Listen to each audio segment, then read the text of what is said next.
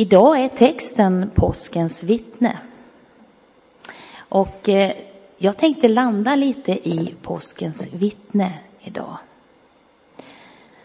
Och eh, när jag var, jag växte upp i Karlskrona och så var jag mycket på Frälsningsarmén. Och där sjöng vi en kör som går så här, ska vi se om ni kan den. Att bli lik Jesus, det är min längtan.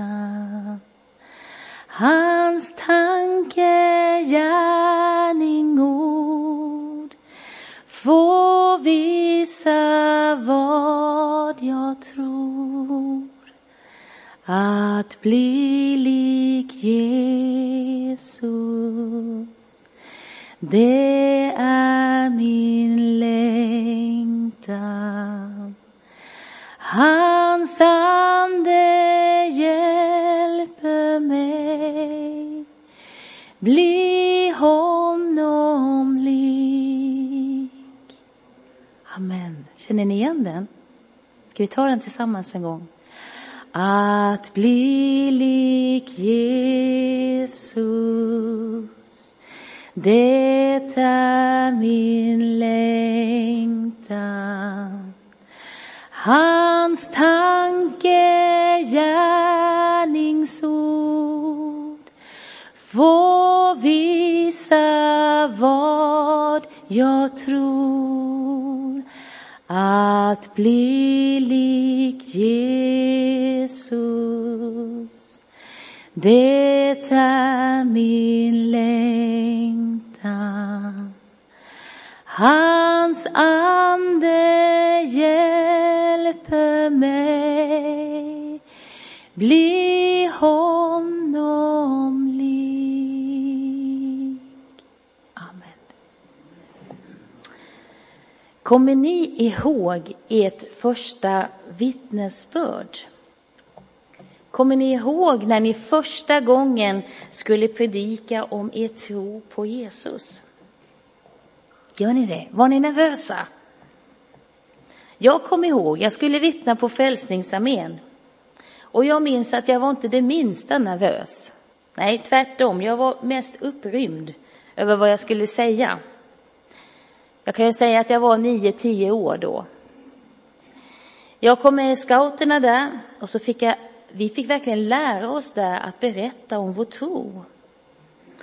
Och sen fick jag ju komma med i strängmusiken, för jag valde ju också att bli soldat.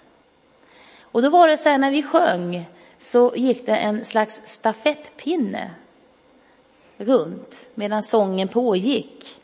Och sen när sången slutade och den som hade stafettpinnen, då fick de gå fram och vittna och säga någonting om Jesus.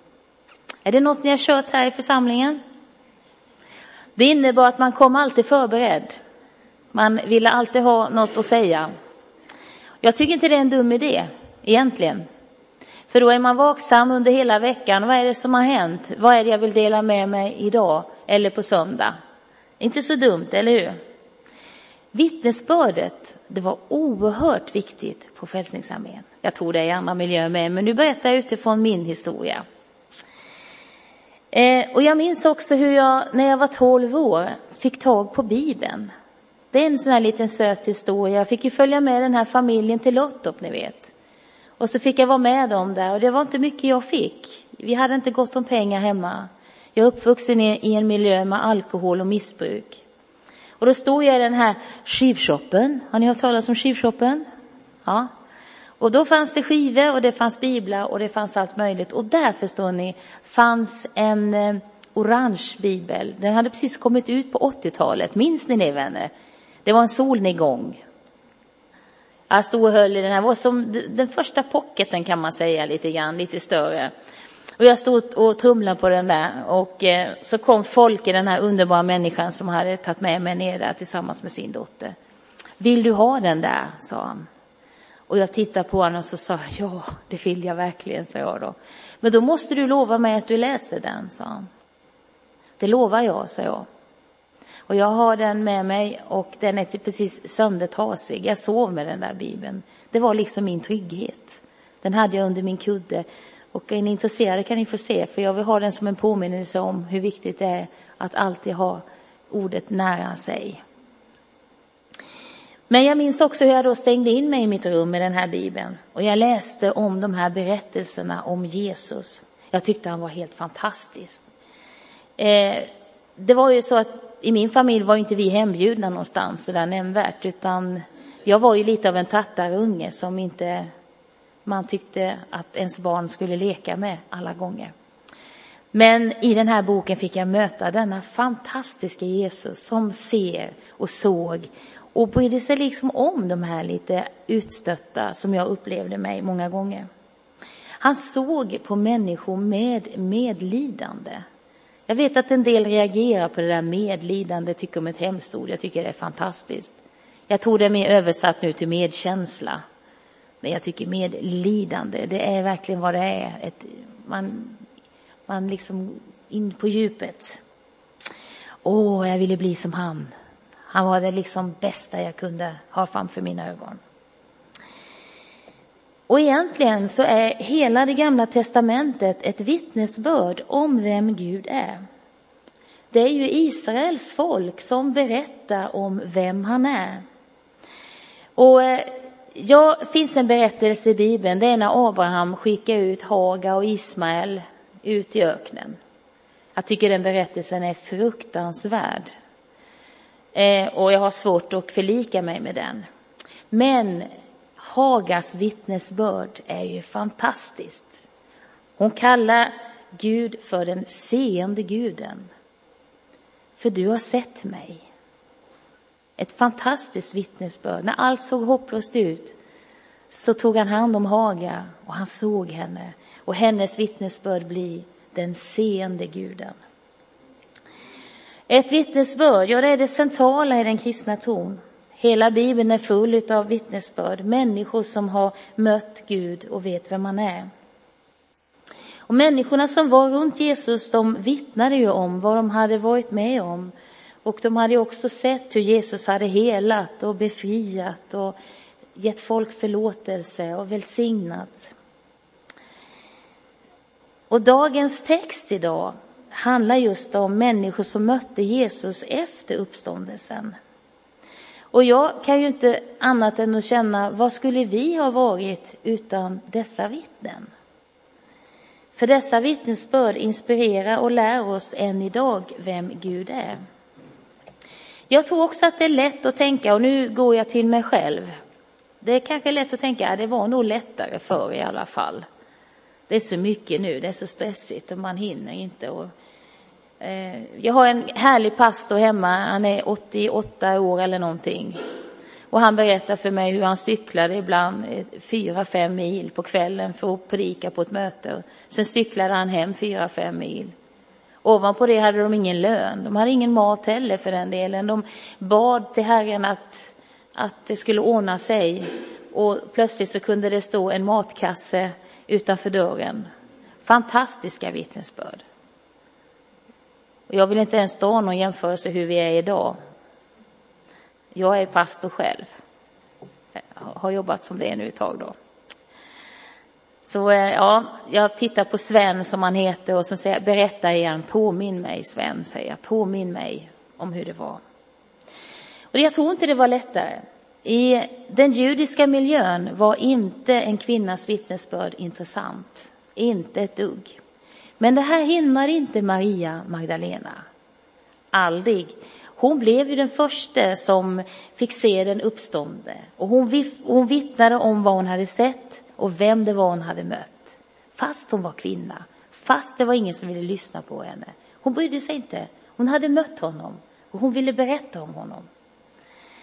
Och sen tänker jag på Thomas. Jag möter många Thomas idag. Jag tycker han är lik den moderna människan. Han säger ju ganska tydligt att han kan inte tro förrän han själv har fått se och känna. Känna, det är någonting vi gör idag. Om vi har lust, eller hur? Ja, jag får se hur jag känner mig då. Ja, jag får se om jag har lust. Och eh, jag tycker vi kan känna igen oss i det här argumentet att vi vill själva se och känna. Och idag har det blivit så populärt också att man ska, man ska tänka själv. Det är viktigt att tänka själv. Man ska inte påverkas av någon. Det tror jag ni har tänkt på nu lite grann på nyheterna med kristna kyrkor och det här. Barnen ska inte påverkas. Men någon måste ju få påverka dem, tänker jag. Ja, det var ju, ja. Eh, allt handlar om den egna upplevelsen. Det är det som är det viktiga. Jag måste få se själv. Jag måste ha eller få bevis. Jag måste få veta. Simon Petrus är ju en lärjunge som jag själv kan tycka att jag har vissa drag av. Han var impulsiv. Han hade lätt för att handla först och tänka sen. Det kunde ha stått Karina här lika gärna. Han var snabbt framme och han kommenterade när Jesus hade undervisat. Även om han blev tillrättavisad blev han inte bekymrad, utan han var snart igång igen och talade om vad han tyckte. Mm. Det är jag också duktig på. Han fick kritik av Jesus då han protesterade mot att Jesus skulle bli avrättad. Och Jesus han reagerade häftigt på Petrus mänskliga sätt. Hur han tänkte, han körde ett sånt här förnuftresonemang mot Guds vilja. Men eh, han var ju också engagerad. Han var modig. Han hade en dynamisk natur. Han var energisk handlingsmänniska. Han tog faktiskt både ansvar och initiativ och tvekade aldrig. Han uppträdde aldrig osäkert. Det var ju det som också blev hans fall lite grann, så kan det ju vara. Och han var den också som förde lärjungarnas talan. Petrus ville ju inte heller att Jesus skulle tvätta hans fötter. Och det skulle nog jag också haft åsikt om. Jag tror nog jag hade sagt nej, nej, nej, nej. Det gör du inte, så du. Utan nu sätter du dig ner så tvättar jag dina. Han somnade också i ett seman i trädgård när de skulle be. Jag gör nog det också. Jag lägger mig ibland i sängen och så ska jag be för någon vän som mår dåligt kanske eller behöver förbön eller det är någonting och innan jag vet ordet av så har jag somnat. Är du vaken? Hur är det med oss? Är vi vakna och ber? Och säger han sprang ju också iväg och gömde sig och han förnekar honom tre gånger. Och jag kan inte annat än att tycka synd om Petrus, för det är ju det han hela tiden får höra, hela historien, alla de här åren som har gått, så är det mannen som förnekade Jesus. Men vi har den här underbara texten också, hur han en vecka senare fick förlåtelse av Jesus vid Genesarets sjö. Och där han fick bekänna sin kärlek till Jesus tre gånger, lika många gånger som han hade förnekat honom. Han blev också vittne till himmelsfärden. Han blev ledare för den första församlingen och på pingstdagen är det han som predikar och han var inspirerad av den heliga anden. Denna enkla fiskare, eller hur? Vi kör ju ofta, man måste ha en teologisk utbildning, det går inte annars. Men här var han inspirerad av den heliga Ande. Han var en fattig fiskare, eller hur? Och så snart han fick möjlighet så begav han sig ut för att verkställa uppdraget som han hade fått av Jesus. Och det var ju att gå ut i hela världen och göra alla folk till mina lärjungar. Lärjungarna var visserligen rädda, med all rätt. Den här tiden var fruktansvärd. Men inget kunde tysta dem. De hade hittat nyckeln till livet och de vägrade att tiga. Och det kristna evangeliet slog ner i världen som en blixt. Det var om en berättelse om en man. Det var den mest fantastiska man de hade mött, Jesus från Nasaret. Det här budskapet det var så spännande, det var så angeläget att man tog varje tillfälle som fanns till att sprida det. Och det var så fantastiskt med det här budskapet, för det erbjöd två gåvor. Det ena var förlåtelse och det andra var den heliga anden. Det var något som någon annan aldrig hade kunnat erbjuda tidigare. Uppmaningen var omvänd dig till Gud och döp dig och döp dig in i den kristna gemenskapen och mottag den helige anden. I Apostlagärningarna kan vi läsa om hur de vittnar lärjungarna. De förkunnar på gatorna, de förkunnar synagogan, de förkunnar i templet. Och även om de greps så fortsatte de att vittna. De fanns med i debatterna, de var med vid barmhärtighetsgärningar, de var i hemmen, då vittnade de. Kvinnorna de stod vittnade när de tvättade i sin vardag. Fångarna berättade för sina medfångar. Människor av alla kulturer som kom från olika bakgrunder vittnade om sitt förvandlande liv. Jag tycker de är fantastiska också. Det kan inte ha varit lätt för Petrus och de här grabbarna. Men att förkunna för judarna och påpekade att Jesus, det var Messias. Det var han som profeterna hade talat om. Och när man förkunnade för hedningar som inte alls kände till det gamla testamentet så kan vi läsa om hur Paulus kom till de olika platserna där det rådde avgudadyrkan och hur han vittnade och slog fast vid att det fanns bara en sann Gud. Vi kan också läsa i Korintierbrevet så säger, skriver Paulus så här. Bland det första jag förde vidare till er var detta som jag själv hade tagit emot, att Kristus stod för våra synder i enlighet med skrifterna och han blev begravd. Han uppstod på tredje dagen i enlighet med skrifterna. Vilket vittnesbörd! Han berättar att han själv tagit emot Jesus som dog för hans synder. Hur ofta vittnar jag på det sättet? Han är oerhört tydlig, Paulus, med att Jesus dog för våra synder. Hur ska vi hantera det då? Vi har ju ingen synd, eller? Hur är det? Hur närmar vi oss människor då när vi ska säga att de behöver vända om? Du behöver vända om. Från vad då? Synden. Vilken synd?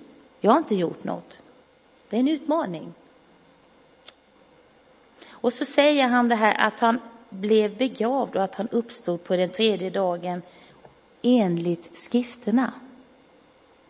Här har vi en nyckel.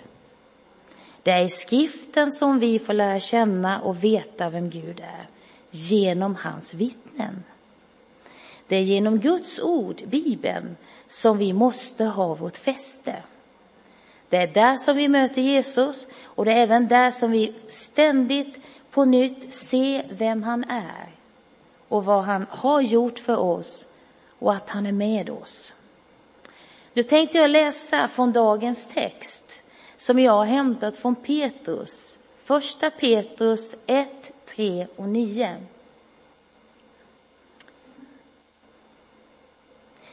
Välsignad är vår Herre Jesu Kristi Gud och Fader. I sin stora barmhärtighet har han genom Jesu Kristi uppståndelse från de döda fött oss på nytt till ett levande hopp, till ett arv som aldrig kan förstöras, fläckas eller vissna och som är förvarat åt er i himlen. Med Guds makt blir ni genom tron bevarade till en frälsning som finns beredd och skall uppenbaras i den sista tiden. Gläd er därför om ni nu en kort tid måste utstå prövningar av olika slag.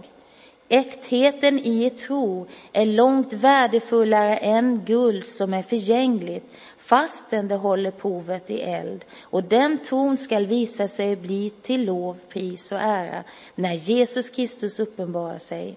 Honom älskar ni utan att ha sett honom, och fastän ni ännu inte ser honom tror ni på honom och jublar över honom i obeskrivlig himmelsk glädje då ni nu är på väg att vinna målet för er tro, era själars frälsning. Amen. Hur ser vi på framtiden idag? Vad har vi för framtidstro? Vad vet vi om framtiden? Ja, jag tror vi är ganska rörande överens om att vi vet ingenting om framtiden, egentligen.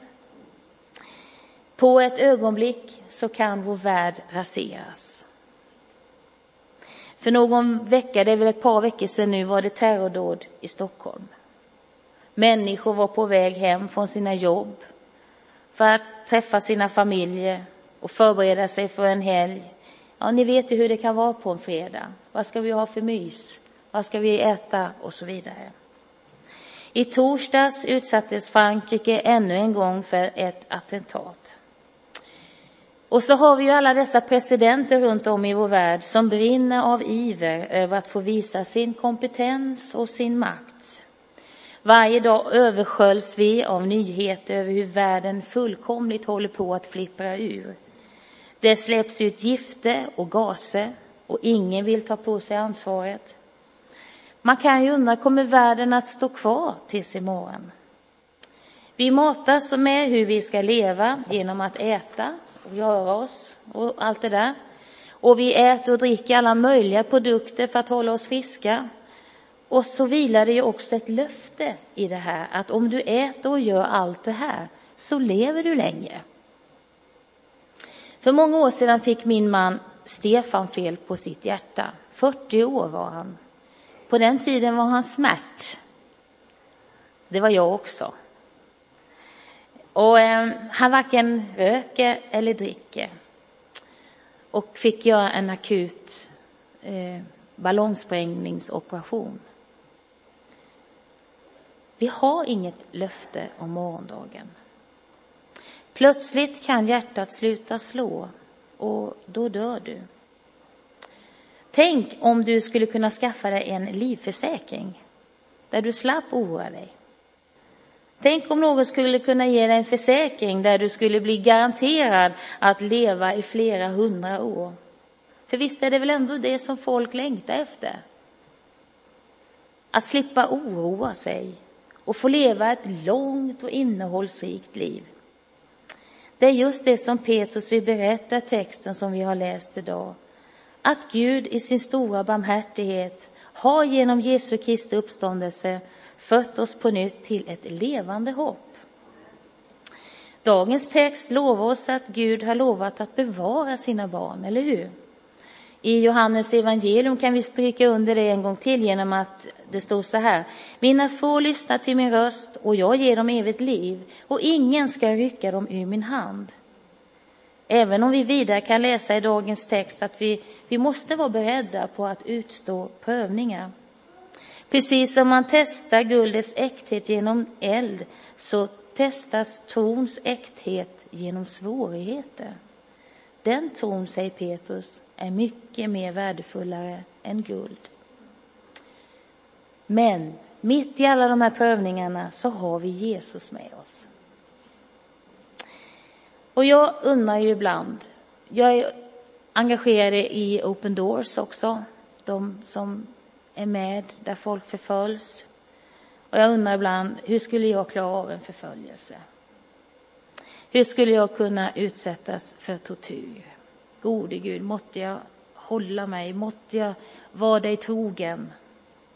Det känner jag ju idag som Petrus, ni vet. Jag skulle aldrig svika det, Herre. Men så tittar jag på Petrus. Han var ju lika ivrig som jag är. Han fixade inte det där. Men då får vi gå till texten igen i Bibeln. Och då finner jag tröst i när jag läser om när Stefanos skulle stenas till döds. Så står det så här. Då föll Guds ande över honom.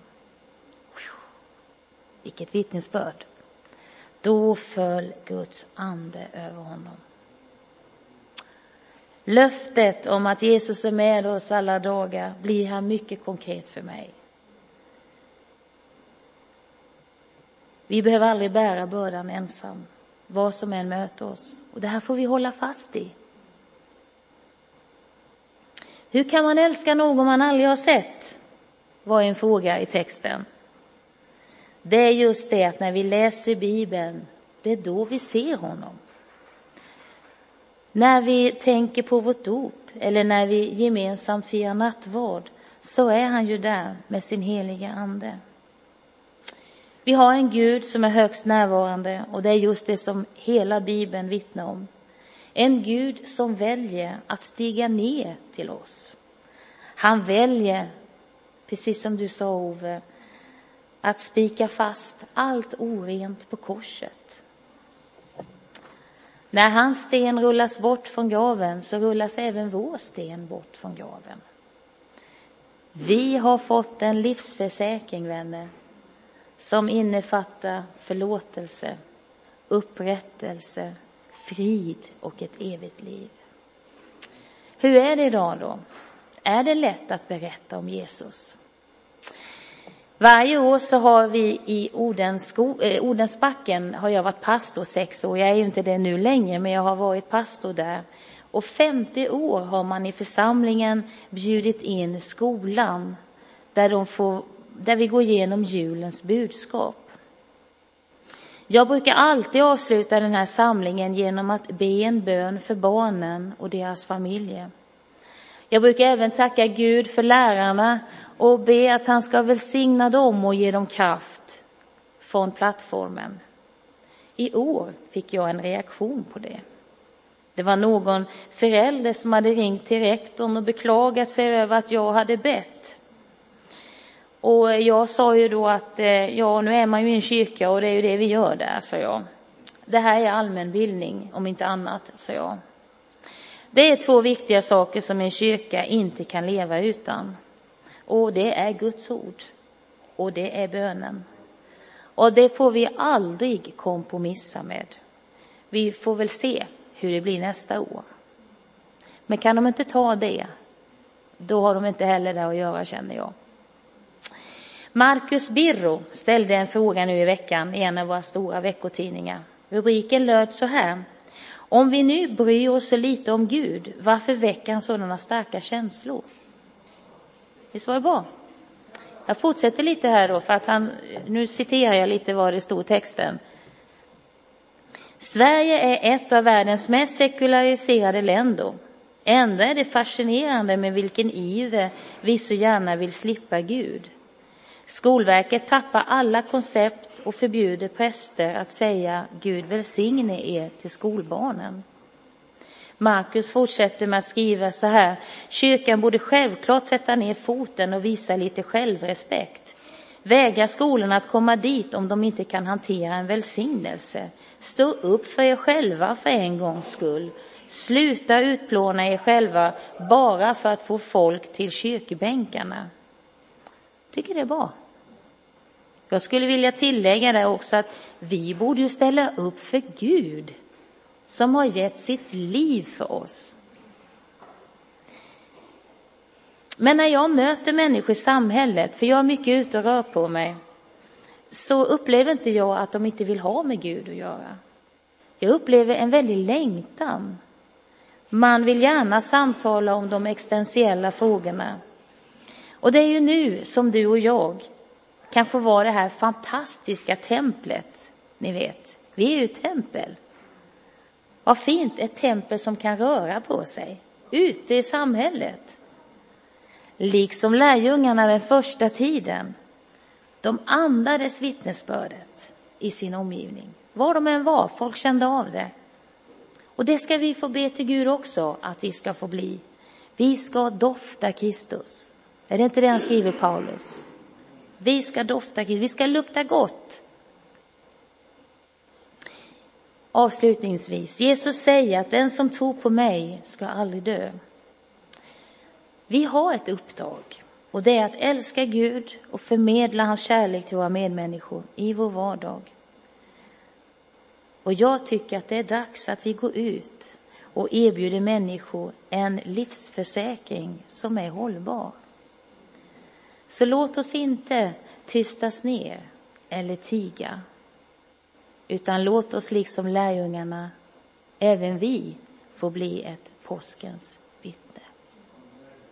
Amen. Amen. Mm.